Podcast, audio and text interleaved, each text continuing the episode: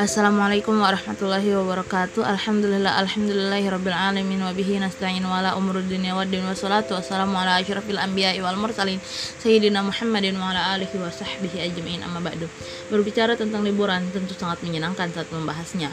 Liburan adalah satu hal yang sangat dinanti-nantikan atau ditunggu oleh banyak orang Terutama bagi para pelajar seperti yang kita ketahui, konsekuensi sebagai seorang pelajar adalah ia harus kuat dalam menanggung pahit dan lelahnya menuntut ilmu, mulai dari mengerjakan satu tugas, melakukan berbagai praktikum dan percobaan, dan masih banyak lagi. Nah, dikarenakan banyak dari pelajar yang berpikir karena mereka telah berlelah saat sekolah, sehingga waktu libur ini dijadikan sebagai wadah untuk melakukan berbagai hal yang saat sekolah mereka tidak dapat melakukannya. Mereka menjadikan liburan sebagai ajang untuk mengistirahatkan diri dari segala yang memberatkan.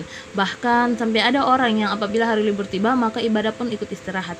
Padahal, bagi seorang muslim istirahatnya mereka adalah berpindah dari satu pekerjaan ke pekerjaan yang lainnya. Islam sangat menjunjung tinggi waktu dan sangat mengutamakan nilai-nilai produktivitas secara sempurna, baik produktivitas terhadap melakukan ibadah ataupun produktivitas yang dapat menghasilkan suatu karya dan sesuatu yang bermanfaat.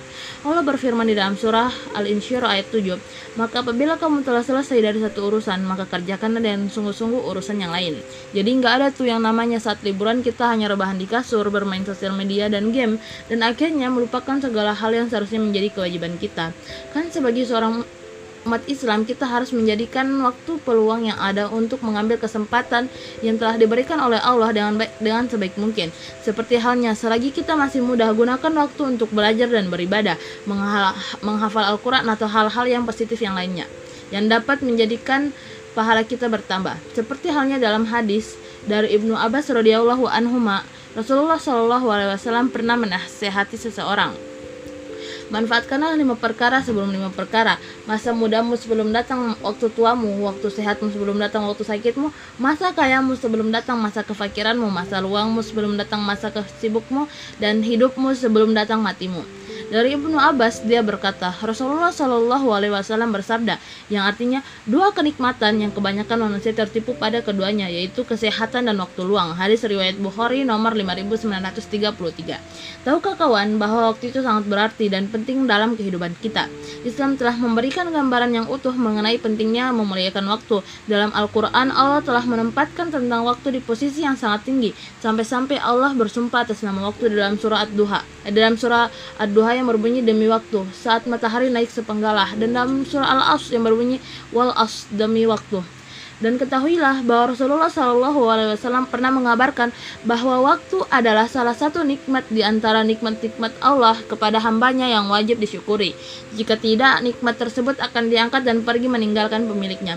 Di dalam kehidupan, waktu sangatlah penting. Maka dari itu, kita harus memanfaatkan sebaik-baiknya agar tidak menyesal di kemudian hari akibat ulah kita sendiri karena tidak dapat mengelola dan baik sesuai dengan hukum dan aturan Islam.